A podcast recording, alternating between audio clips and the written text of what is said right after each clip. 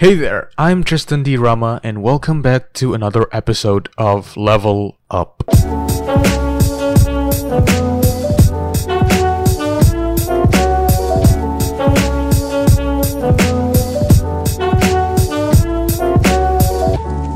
Welcome to Level Up Podcast minggu kedua bersama tamu spesial kita Krisna Mardika. Iya. Halo bro, gimana Halo, kabar? bro. Aduh, baik banget bro. Jadi Makasih iya, jadi kita di sini mau ngobrolin tentang masa depan ya dan relationship pastinya. Yo. Karena kan link gitu. Iya. Jadi jadi gimana nih cerita nih masa depan tuh mau ngapain lo? Plan lo apa sih? Kalau gue pribadi ya, eh, sekarang tuh gue lagi fokus di eh, kuliah, mau masuk di jadi maba Fakultas Kedokteran. Mm-mm.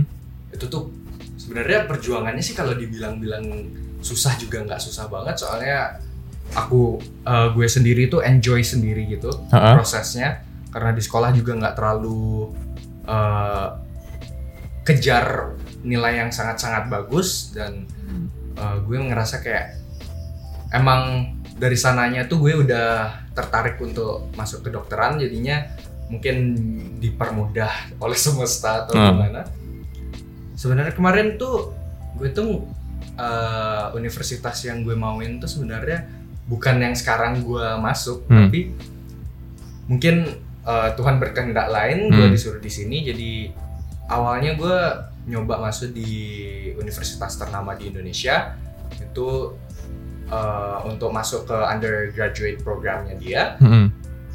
sebenarnya tesnya itu gampang kayak tesnya tuh cuman uh, English proficiency itu udah kayak biasa uh, makanan kita sehari-hari di sekolah kan Habis itu selain itu kita juga dites uh, logikanya. Kalau kalau kita tuh bisa berpikir dengan dengan lebih cermat lebih akurat gitu. Mm-mm. itu sebenarnya gue pribadi gue udah te- lolos tes semuanya. Tapi gue gagalnya cuma di satu cuma di tes eh, interviewnya. Oh interview. interviewnya tuh agak aneh sih sebenarnya. Ditanyanya tuh ini kenapa di semester ini tuh nilainya eh, saudara agak jelek Ha-ha.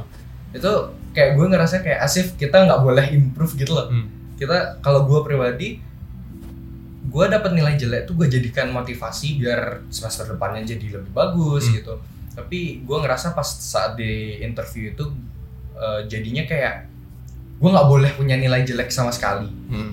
sedangkan menurut gue nggak semua orang tuh bisa eh, punya konsistensi yang sangat bagus sampai betul. semuanya A, A plus semua gitu dari semester awal sampai semester akhir Ha-ha. itu tuh nggak manusiawi sih menurut gue Mm. kayak harusnya tuh mereka lebih mentingin kita gimana cara kita improve atau gimana kita eh, kehidupan sosial kita gitu karena kan kuliah juga nggak cuman tentang melajarin gini-gini doang kan apa eh, sistem-sistemnya mereka doang tapi kita juga harus belajar bersosialisasi Iya. dan belajar berkomunikasi tentunya kan untuk di di dunia pekerjaan nanti kan itu important banget untuk kita bisa komunikasi dengan baik. Mhm. Gue ngerasa kayak di sistem edukasi Indonesia itu kan kayak basically kayak triangle gitu nggak sih? Iya. Jadi di satu sisi itu kita eh, dapat tidur yang cukup, habis itu di satu sisi kita dapat bersosialisasi dan satu sisi lagi nilai yang bagus. Kita tuh Hmm. cuma bisa milih dua. Kalau lu mau nilai bagus dan bersosialisasi, lu nggak bakal dapat tidur. Tapi Mm. kalau lu mau dapat tidur sama nilai yang bagus, nggak bisa sosialisa- sosialisasi. Mm. Nah, gue rasa salahnya tuh di situ sih. Harusnya kita bisa balance semuanya, jadi biar kita bisa eh, bersosia- bersosialisasi, kita bisa dapat nilai yang cukup dan juga kita bisa dapat tidur yang cukup yang sangat penting itu menurut Hmm. gue. Tapi ya udah dari dulu sih diterapkan kayak gini sistem Iya. edukasinya jadi Jadi- susah banget. Mm, Seolah-olah kita harus sama semua ya. Bener. Gitu. Padahal belum tentu semua manusia tuh punya capability yang sama kan. Mm-mm. Tapi seperti yang kita semua tahu kan Ah. dokter itu kan profesi yang paling bergengsi nih di Indonesia. Nah. Orang tuh banyak banget contoh dari keluarga A nih keluarga B semuanya pengen anaknya jadi dokter kan. bener. Nah, tapi dari lo sendiri tuh kenapa? Kenapa kan banyak profesi nih. Kenapa Benar. sih dokter? Anak zaman sekarang tuh kenapa sih milih dokter gitu? kalau gue pribadi ya gue tuh dari kecil tuh udah kayak mungkin karena sukanya nonton kayak film-film kayak Grey's Anatomy gitu oke. itu jadi suka ngebayangin diri sendiri pas jadi dokter gitu sih Mm-mm. senengnya tuh kita bisa nyelamatin orang tanda kutip ya. Mm-mm. kita bisa membantu orang biar uh, healthnya mereka lebih baik. Tapi di satu sisi juga nggak enaknya tuh uh, di suatu saat kita bisa kayak responsible for someone's life gitu. Kayak bisa bisa aja kesalahan yang kita bikin walaupun sekecil apa pun itu Ha-ha. tapi kalau menyangkut dengan kesehatan itu bisa menjadi fatal untuk hidup orang itu. Tapi kalau gue sendiri sih bu- gue bukan mikirin gengsinya atau ah gue jadi dokter yang lain cuman bisnisman gitu. Enggak semuanya sama aja. Pada pa- intinya kan kita semua kepingin jadi kaya. Hmm. itu nggak usah munafik lah kita kita semua Iya, kepingin jadi kaya. Orang yang kaya tuh jauh lebih enak daripada orang yang eh, memiliki ini ini ini edukasi ini ini, edukasi ini. Buat apa punya edukasi sebanyak itu tapi nggak bisa ngasilin duit sendiri kan? Betul. makanya gue kayak mikir gue tuh sebenarnya dokter itu bukan mau lanjut ke gini apa spesialis gitu enggak sebenarnya. Soalnya awalnya cuman kepingin jadi dokter tuh gara-gara ya itu gara-gara in- personal interest aja sama topik-topiknya. Tapi di sisi lain juga gue juga tertarik sama manajemen nih. Hmm, oke. manajemen itu kan eh, anggapannya gimana kita bisa melihat suatu satu sisi dan membuat sisi tersebut menjadi lebih baik dan gue ngerasa gue sangat tertarik sih sama manajemen gitu.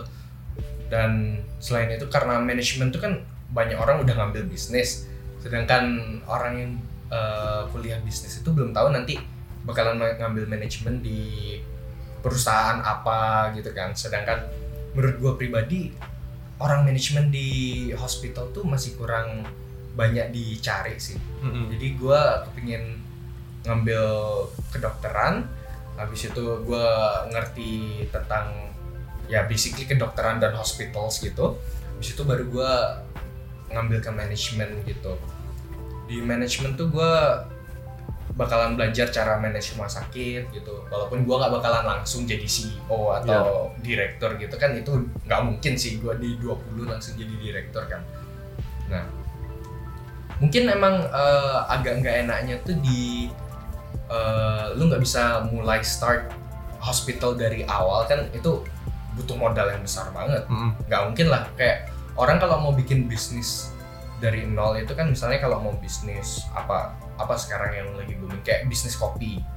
Bisnis kopi itu kan eh, ya walaupun modalnya juga gede tapi kan nggak segede lu bikin dari nol rumah sakit kan. Nah makanya gue mikir kayak kayaknya lebih cocok ngambil ke bi- bisnis rumah sakit gitu deh.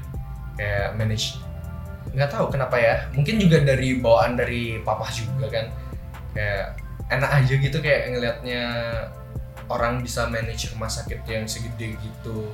Orang bisa manage biar human resource-nya sama resource yang lainnya tuh bisa uh, efektif gitu jalannya. Uh-huh. Kalau dokter kan berarti let's say itu single profession lah. Iya. Jadi seumur hidup banyak orang jadi dokter betul sampai misalnya dia pensiun. Kalau lu sendiri gimana? Apakah ada plan nih? Oke jadi manajemen nih, Mm-mm. tapi di umur berapa berapa itu akan lo akan berubah profesi tersebut atau naik tingkat lah, level up gitu. Oke, kalau ngambil S2-nya mungkin nggak langsung ya, mungkin mau uh, definitely kan kita dari jadi untuk kedokteran tuh kan kita bisa cuman sarjana atau jadi profesinya dokter. Mm-mm. Tuh kan jelas gue bakal ngambil profesi, profesi dokter kan. Nah, habis itu gue mungkin setahun atau dua tahun gue mau belajar kayak hospital itu kayak in real life tuh workingnya kayak gimana sih? Kayak Mhm. gue kalau misalnya kerja sebagai dokter umum itu gue kayak gimana sih? Di apakah ada semacam senioritas atau kayak gimana? Jadi kan kalau gue sendiri udah ngalamin di fieldnya itu gue jadi bisa tahu gitu lah kalau misalnya gue jadi manajemen di dalam manajemen tuh apa aja problem-problem yang ada di lapangan. Nah, gue gue mungkin kepingin nyari experience 1, 2, 3 tahun lah mungkin untuk itu habis itu baru gue langsung S2 manajemen rumah sakit. Oke. Tapi lo punya cita- cita-cita nggak sih untuk ke depannya nih? Misalnya kan kita berpikir besar nih. Yo, Boleh dong. Cita-cita lo untuk rumah sakit nih atau Ah. bisnis kesehatan di Indonesia itu apa? Misalnya lo punya kesempatan untuk ngubah nih, Yo. lo mau ngapain? Kalau gua sendiri sih karena gua tinggal di Bali, gua ngeliat di Bali itu banyak banget yang mau jadi dokter. Mm-mm. Gua gua sendiri lihat eh, karena gua ikut tes itu banyak banget yang nyari kedokteran. Nah, tapi dari ratusan dokter yang bakalan ada di dalam beberapa tahun ini atau mungkin bahkan ribuan ya. Mm-mm. itu tuh eh gue ngerasa belum cukup tempat sih. Kayak rumah sakit tuh nggak semua rumah sakit juga bisa ngambil semua dokter yang baru graduate kan? Iya, betul. nah gue mikirnya kayak Bali itu kan tempat eh, turis kan? Tempat tourism gitu kan. Nah gue mikirnya mungkin kenapa nggak ada tempat kayak Bali masuk eh, tetap sebagai tourism place tapi juga bisa sebagai health tourism jadi orang ke sini eh, let's say kayak kita orang Indonesia tuh kes- kita ke Singapura kita ke Singapura untuk berobat Oke. Nah, eh, di Singapura tuh orang nggak eh, berobat tuh habis itu mereka bisa kayak jalan-jalan, mereka bisa ke mall atau ke mana pun itu. Nah di Bali itu kan juga kita punya places yang bagus juga. Kenapa nggak kita kayak orang datang eh, dari luar misalnya, orang datang ke Bali, dia eh, kepingin berobat, habis itu dia bisa enjoy kayak the nature that we have in Bali Oke. karena kan eh, nggak although kayak di luar negeri itu banyak eh, apa hospitals yang bagus-bagus habis itu mereka lebih modern tapi mereka nggak punya apa yang Bali punya kan Betul. Nggak kita punya kita nature punya nature yang masih terjaga. Nah itu tuh kayaknya bakalan menjadi idea yang sangat bagus banget sih. Kayak lu masuk eh, lu datang ke Bali lu berobat. Udah berobat udah jadi lebih le- sehat habis itu lu eh, jalan-jalan kelilingin Bali ke pantai-pantainya atau ke eh, air terjun air terjunnya itu kan enak banget man bisa sem- sambil rekreasi juga. Nah gua ya semoga suatu saat gua bisa uh, membangun health tourism di Bali ini biar jadi lebih tinggi biar jadi lebih bagus sehingga orang nggak instead of going outside Indonesia mereka ke ke tempat yang udah ada aja Di Bali, Yang- di dalam negeri. Bali, Oh. yang yang di mana ya tentu saja gininya apa uh, service-nya juga harus bermutu dong nggak mungkin kita uh, attract people from outside Indonesia dan di dalam Indonesia tapi kita service-nya kita masih apa health force-nya itu masih biasa aja kan nggak mungkin harus Hmm. harus incredible Nih karena lo tadi ngomongin tentang future nih, tentang Yo. masa depan. Yuk. Seberapa penting sih planning future itu terhadap anak muda Indonesia tuh? Gen Z lah kita bicara. Yoi. In a nutshell. Seberapa penting sih? kalau penting sih sebenarnya penting banget. Ha-ha. kita kita harus tahu kita karena kalau kita nggak planning kita nggak tahu in the future kita bakalan ngapain. Especially kayak tahun ini tuh kita mau ngapain sih? Apa sih? Mungkin people apa sekarang tuh ngerjain kayak New Year's resolution tapi itu tuh kebanyakan cuma bullshit man nggak banyak Oke. yang dilakuin sama orang. Sumpah, mungkin mungkin cuma satu dua uh, nomor doang yang dari list mereka. Nah tapi kalau kita udah planning dari dulu kayak misalnya sekarang nih gue mau planning habis gue kedokteran selesai itu gue mau ngapain sih nah itu kalau gue udah planning tuh gue jadi lebih ada motivasi ada kegunaan untuk hidup gitu jadi Hmm. kayak kita tuh tahu kita hidup kita tuh ke arah ke mana Oke. jadi nggak bingung gitu kita sendiri nah selain itu eh saya ras gua rasa sendiri ya itu planning itu kayak misalnya sekarang lu mau kul- kuliah ke luar negeri lu bakalan lebih susah kalau lu eh, nggak mulai sekarang tuh research Hmm. tentang kayak gimana sih kehidupan di luar negeri Hmm. atau kayak gimana sih cara masuk ke luar negeri. Nah, gimana kalau kayak misalnya lu mau kuliah ke luar negeri, tapi lu baru ngurusin kelas 3 SMA. Hmm. Lu nggak ada waktu men, lu Nggak ada ada, waktu. ujian sekolah, ada ujian kelulusan, habis itu lu harus nyari cara untuk keterima di luar negeri. Belum lagi kalau misalnya udah wak- waktu deadline-nya udah keluar. Iya. Kan itu sangat sayang banget men. Kalau lu udah misalnya tahu dari kelas 1, oh aku kepingin kuliah di Australia nih oh Hmm. aku kepingin kuliah di Jepang itu kan lu lebih enak lu bisa lebih banyak lah waktu lu untuk research atau mungkin tanya-tanya ke agencies itu kan bisa juga atau mungkin bahkan eh, kalau bisa minta ke orang tua minta sekolah di kurikulum yang luar biar lebih gampang masuknya Hmm, soal internasional berarti ya. Yoi. Hmm, oke. Ini kan tadi lo bilang bullshit nih. Iya. Banyak New Year's resolution yang bullshit. Aha. Gimana sih caranya kita tuh biar anak muda nih Nah, biar bisa accomplish? Karena kan banyak nih, gue mau jadi ini, gue mau jadi Ah. ini, tapi di prosesnya hmm. orang tuh banyak yang males. Hmm. Gimana sih cara overcome rasa males ini? Menurut lu gimana? gue sendiri ya biar eh, kalau cara gue accomplish sesuatu yang gue udah plan itu biasanya gue gue nggak pernah plan langsung satu, satu yang besar. Gue pasti plannya tuh kec- eh, plan yang kecil-kecil tapi menuju ke yang besar ini. Hmm. jadi nggak langsung kayak gue punya eh, rumah. Itu nggak gue gue mungkin plannya dari eh, beli batu-batunya atau beli fondasi-fondasinya alat-alat untuk fondasi gitu.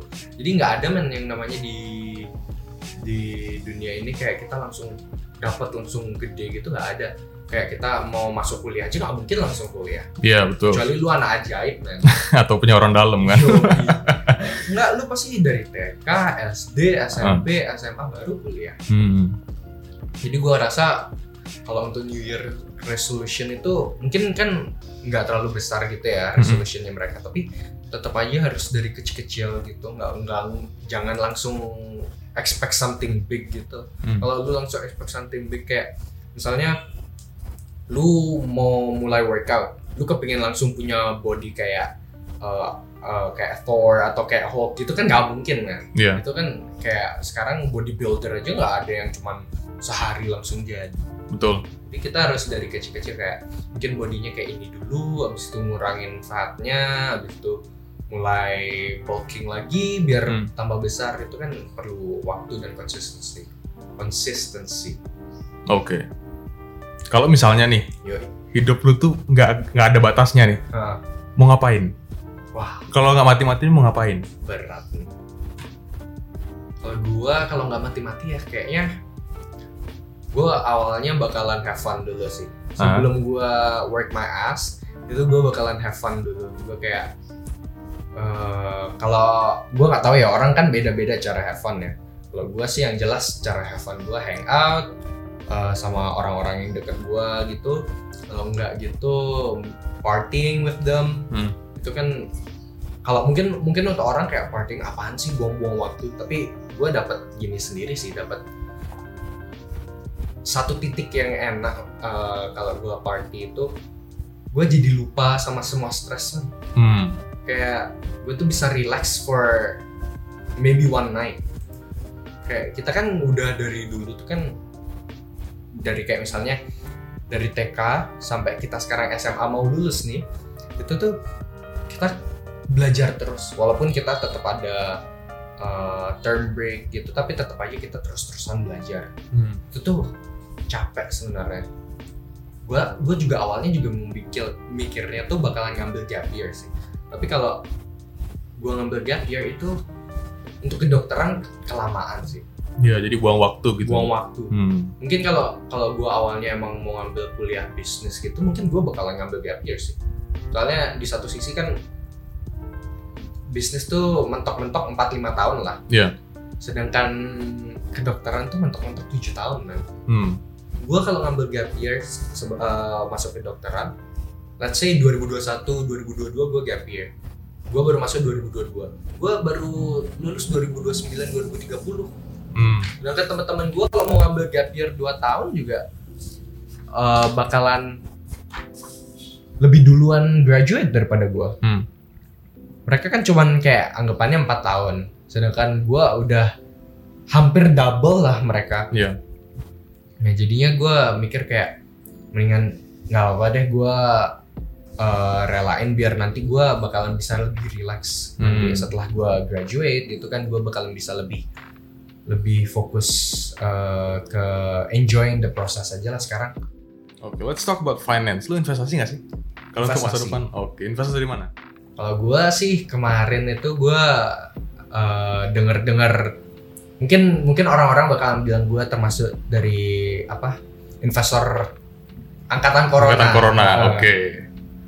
Mungkin bener sih, soalnya gue baru mulai kayak denger-dengar investasi itu masalah uh, sejak sejak pandemi ini. Hmm. Gue baru punya waktu bukan, iya sih, gue baru punya waktu untuk denger-dengar orang ngajarin investasi itu baru setelah pandemi ini Hmm. gue kayak mikir kayak mumpung gue masih baru mulai beranjak ke umur 20-an ini gue kayaknya mendingan sekarang deh gue mulai investasi jadi gue mulai rutin nabung di reksadana pasar uang itu tentunya itu siapa tahu di umur gue nanti misalnya 50 atau 60 itu gue bisa benar-benar financially free Hmm. kayak nggak perlu mikirin gue nanti bakalan kayak gimana karena gue udah dari sekarang udah mulai investasiin.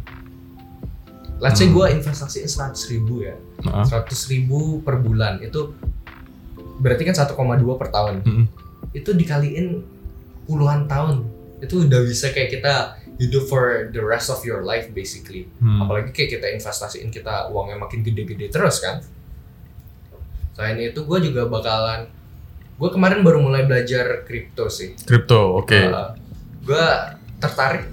Emang walaupun risikonya gede, tapi gue ngerasa kayak kalau gue udah punya cukup ilmu atau gue punya eh gue punya pengetahuan yang cukup lah untuk ngertiin cara kerja kripto tuh gue bakal kayak bisa lah main main di kripto Hmm. kalau kemarin sih gue sempat main di saham ya dapat sih cuan gue dapat di ya di satu nama itu di saham tersebut Hah? itu gue beli di pas dia lagi turun banget habis itu Hmm. lagi beberapa hari itu tiba-tiba langsung booming kan nggak tahu mungkin ada yang pom pom atau gimana. Oh, iya saham itu ya. iya bisa Oh. tiba-tiba langsung naik kayak hampir tiga kali lipat langsung gue Keren. gue gue ngerasa kayak saham itu kan fluctuationnya gede banget kan Mm-mm. jadi gue kayak wah pas naik tinggi gue nggak berani risk lagi kalau gue mungkin ketiduran habis itu gue nggak jual sekarang Mm-mm. gue bisa aja besoknya tuh bakalan turun bahkan lebih di bawah sebelum pas gue masuk itu Hmm. Dan bener besoknya itu turun dah mulai turun tapi untungnya gue udah jual gue kayak turun gue kayak mikir apa gue beli lagi ya siapa tahu naik lagi lebih tinggi kan Ah, ah. tapi gue sabar terus Eh, abis itu gue terus-terusan kayak ngeliat-ngeliat sambil dengerin-dengerin eh, ilmu-ilmu yang lainnya itu gue Hmm. kayak wah kok makin lama makin jelek sahamnya Hmm. abis itu gue ngerasa kayak di situ wah kayaknya laki nih gue gue keluar di Keluar, atas gitu nah abis itu kalau gue pikir-pikir juga kayak sebenarnya kalau mau nyari yang paling aman tuh emang reksadana pasar uang sih Hmm, oke. kalau lu mau main saham tuh capek sebenarnya kayak lu harus analisa datanya mereka habis itu lu harus pantangin eh pantengin kayak news newsnya itu Hmm. news tuh kan kayak satu satu newspaper aja bisa bikin saham anjlok berat banget Hmm. makanya gue kayak kalau untuk sekarang sih gue belum ada fokus ke investasi yang kayak gitu yang berat-berat kayak resikonya karena gue juga eh kebutuhan finansial gue juga belum gini banget sih sekarang jadi gue main di gini aja dulu di pasar uang sekarang Hmm. Kalau misalnya ada orang nih, Hmm. banyak pastinya ya, Eh, yang meremehkan atau bahkan bilang saham itu penipu atau investasi itu penipu. Itu lo mau bilang apa sama mereka? sebenarnya orang-orang kayak gitu tuh nggak ngerti apa aduh bayangin nih lu lu punya satu perusahaan Heeh. lu perlu investor jelas apalagi kalau lu mau bikin perusahaannya lebih besar Hmm. lu bakalan jelas-jelas bakalan open saham lah Iya. biar orang-orang tuh bisa beli saham lu walaupun mereka jadi tanda kutip juga pemilik dari perusahaan lu tapi kan kalau lu manage-nya dengan bener kan lu bakalan punya saham terbesar Hmm. jadi basically itu masih tetap perusahaan lu nah orang-orang tuh eh, saham-saham yang ada di market itu sebenarnya basically perusahaan yang besar yang kepingin jadi lebih besar Hmm. tapi eh, karena mungkin kayak investasi kayak gitu kan agak susah ya nyari orang yang mau langsung kayak berapa ratus m gitu kan susah. Jadi dia bakalan open ke market ke semua orang. Jadi misalnya kita punya satu juta investor di Indonesia. Satu juta itu misalnya beli seratus ribu per orang. Itu kan udah banyak banget. Iya. berapa m tuh? Iya benar sih. Kayaknya jadinya secara nggak langsung kita kalau beli saham tuh apalagi saham uh, perusahaan Indonesia tuh membangun Indonesia juga kayak Hmm. Jadi gue kayak kalau lu mikir saham itu penipuan ya kurang banyak lu belajar Cok. Benar-benar benar. kan banyak juga kan yang let's say berada di tingkatan ekonomi yang lebih di bawah lalu dia meremehkan the power of money gitu. Nah, kita udah selesai nih bicara tentang finance. Let's talk about relationship. Aduh. Gua kan kenal lu udah lama nih. Yoi. Lu kan ya penakluk kaum hawa gitu, Iya. ya kan? Itu lu punya planning nggak sih untuk relationship ke depannya gimana? Atau lu ceritain dulu deh sejarah relationship lu dari SD misalnya. Kalau gue sih sebenarnya ya, gue dulu pas SD sampai SMP SMA tuh sebenarnya masih belum ada yang gue bener-bener seserius itu sampai gue mikirin ke jenjang eh, yang lebih lanjut kayak pernikahan atau tunangan itu gue gak Hmm. pernah gue pasti gue orangnya tuh go with the flow gue nggak mau kayak eh, sekarang misalnya gue pacaran sama si An Hmm. terus gue langsung mikir eh kalau kalau gue nikah sama dia nanti tuh gue bakalan kayak gimana ya itu nggak terlalu gini men terlalu kayak anggapannya maksain Hmm. jadi gue tuh selalu kayak oh kalau kita klik ya bagus berarti siapa tahu bisa ke jenjang yang lebih tinggi tapi kalau enggak ya gue juga nggak maksain Hmm. kalian kan sebenarnya kalau lu secantik apa pun ceweknya itu atau se- eh, kalau misalnya lu cewek seganteng apa pun orangnya itu kalau nggak nggak klik tuh nggak bakalan enak pacaran Hmm. mungkin orang-orang tuh bakalan ngira kayak misalnya gini ya lu deket sama cewek ini lu mulai PDKT lu mulai eh, nanya-nanya lah kayak gimana orangnya gimana personalitinya Hmm. nah lu nggak cocok habis itu lu mulai perlahan ninggalin cewek itu karena lu ngerasa nggak cocok kayak mungkin mungkin kalau untuk temen oke oke aja tapi kalau untuk di relationship yang lebih tinggi itu lu nggak cocok sama dia ya nggak bisa dipaksain juga Hmm. mungkin ceweknya tuh bakalan mikir lu kayak ah cowok apaan sih dateng bikin gua sayang terus langsung pergi Hmm. tapi gua kalau gua sendiri mikirnya kayak daripada kita berdua buang-buang waktu eh, kayak anggapannya bertepuk sebelah tangan lah jadinya si cewek mendingan Oke. kita pelan-pelan tapi tetap aja lu harus ngasih tahu dia juga kayak kayaknya kita nggak cocok nih Hmm. jadi mending kita menjauh atau gimana pokoknya yang penting ada mutual agreementnya gitu tuh habis itu lu nyari ngedeketin cewek lain itu juga nggak masalah mungkin orang-orang zaman sekarang tuh manggilnya tanda kutip buaya Hmm. Oke. tapi kalau menurut gua itu nyari pasangan yang tepat sih Hmm. soalnya secantik apa pun orangnya kalau dia nggak bisa support lu pas lu di bawah dan di atas nggak enak Hmm. lu tuh harus nyari cewek yang mau support lu mau nerima lu apa adanya itu klise banget tapi emang bener kan kalau ceweknya tuh eh, cuman mau ada atau misalnya cowoknya cuma mau ada pas kita pas seneng seneng doang sedangkan pas kita lagi di bawah itu mereka nggak mau nggak mau nemenin kita ya buat apa punya pasangan Hmm. Mendingan nggak usah dari awal aja Benar benar benar. susah sih sebenarnya nyarinya gue sendiri juga masih nyari tapi ya apa the right the right person will come at the right time itu sih prinsip gue Hmm. kalau lu sendiri gimana Ya, gue kan terkenal dengan orang yang susah, susah banget nih nyari pasangan dan te- tidak terlalu into that gitu loh. Iya. Jadi ya kayaknya akan menunggu dalam waktu lama nih. Karena kan fokus dulu nih kan kita bicara tentang future planning. Jadi harus terstruktur banget nih Benar. gitu. Nih kalau misalnya ada orang nih yang dia insecure karena misalnya dia nggak punya uang Mhm. dan dia beranggapan bahwa semua cewek itu materi. Itu pendapat lu Oh. gimana? Gimana cara menghilangkan pola pikir gitu dan insecure-nya dia?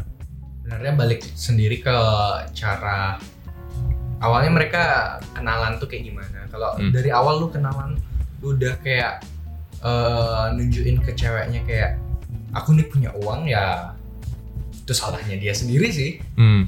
Eh, se- cewek tuh atau cowok pun kalau kalau mereka udah sayang tuh mereka nggak peduli mereka pasti soalnya gue ngeliat ya dunia itu berputar kita tuh juga berputar kita nggak selamanya bakalan jadi orang kaya Hmm. kita bisa aja orang kaya tuh bisa dalam sekejap tuh bisa jatuh miskin tuh bisa bisa banget makanya gue kayak eh, selalu mikir kayak gue nggak pernah ngeliat materi kalau di nyari relationship gitu Hmm.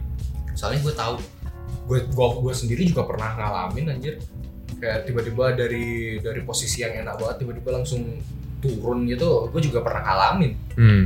itu nggak enak banget makanya gue kayak kalau mereka lagi posisi rendah ya dibantuin bukan bukan dibantuin dalam hal kayak ngasih duit atau gimana tuh bukan tapi di support juga lah orangnya Hmm. Lu kalau misalnya nih, lu suka sama cewek A nih, hmm. temen lu juga suka sama dia. hmm. Perlu nggak sih lu compete gitu?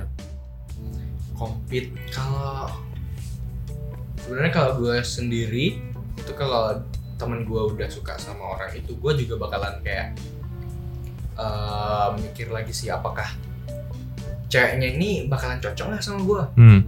gue gue gak boleh cuman egois nafsu gue sendiri kalau gue mikir ceweknya ini gak bakalan cocok sama gue ya buat apa gue compete susah-susah Hmm.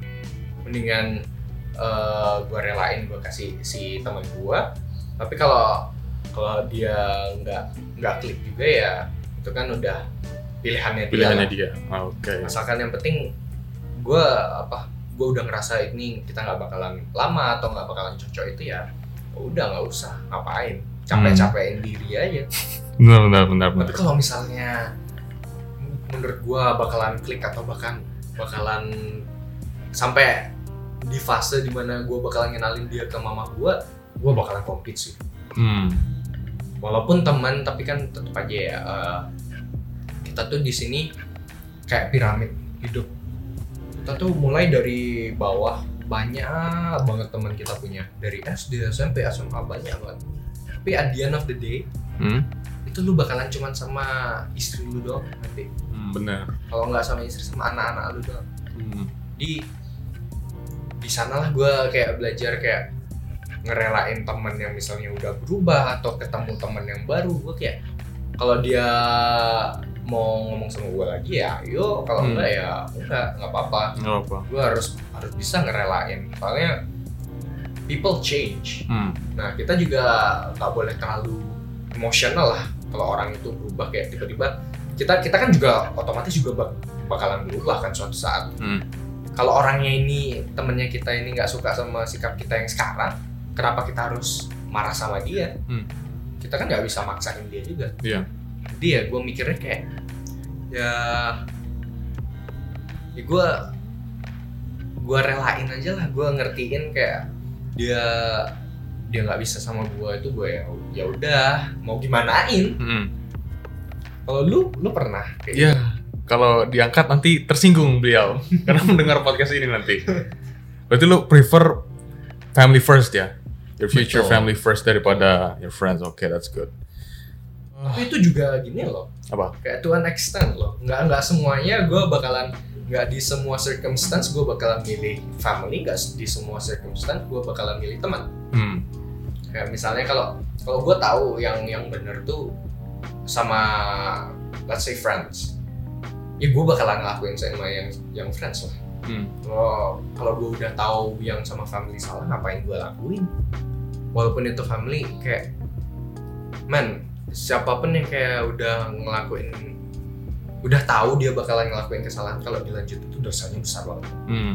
apalagi kalau lu eh, percaya sama hukum karma tuh Iya, benar. Benar, benar, benar.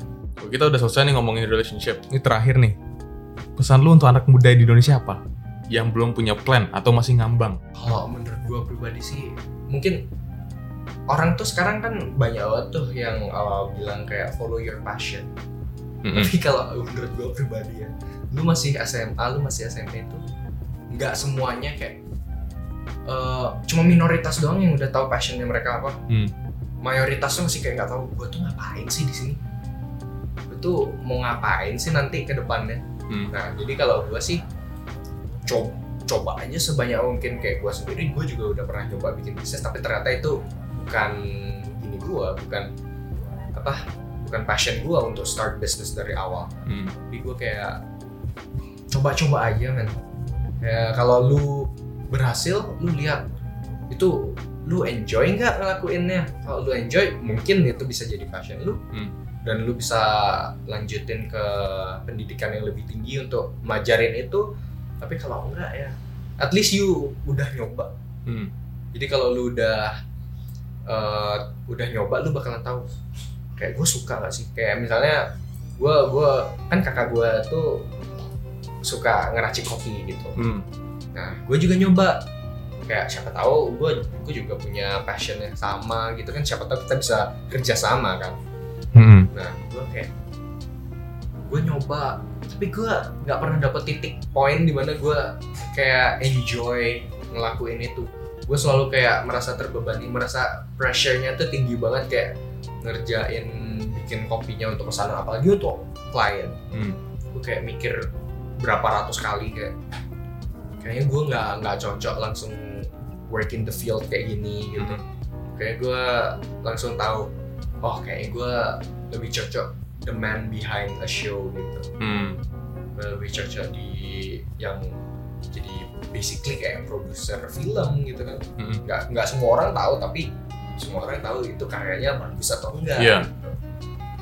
itu aja sih pesan gue yang penting lu coba-coba aja semuanya mumpung masih muda Kita udah selesai nih untuk podcast minggu ini. Yoi. Thank you bro udah hadir Yoi, di podcast hari ini. Oke, siap siap. Stay tuned for another episode. Cheers.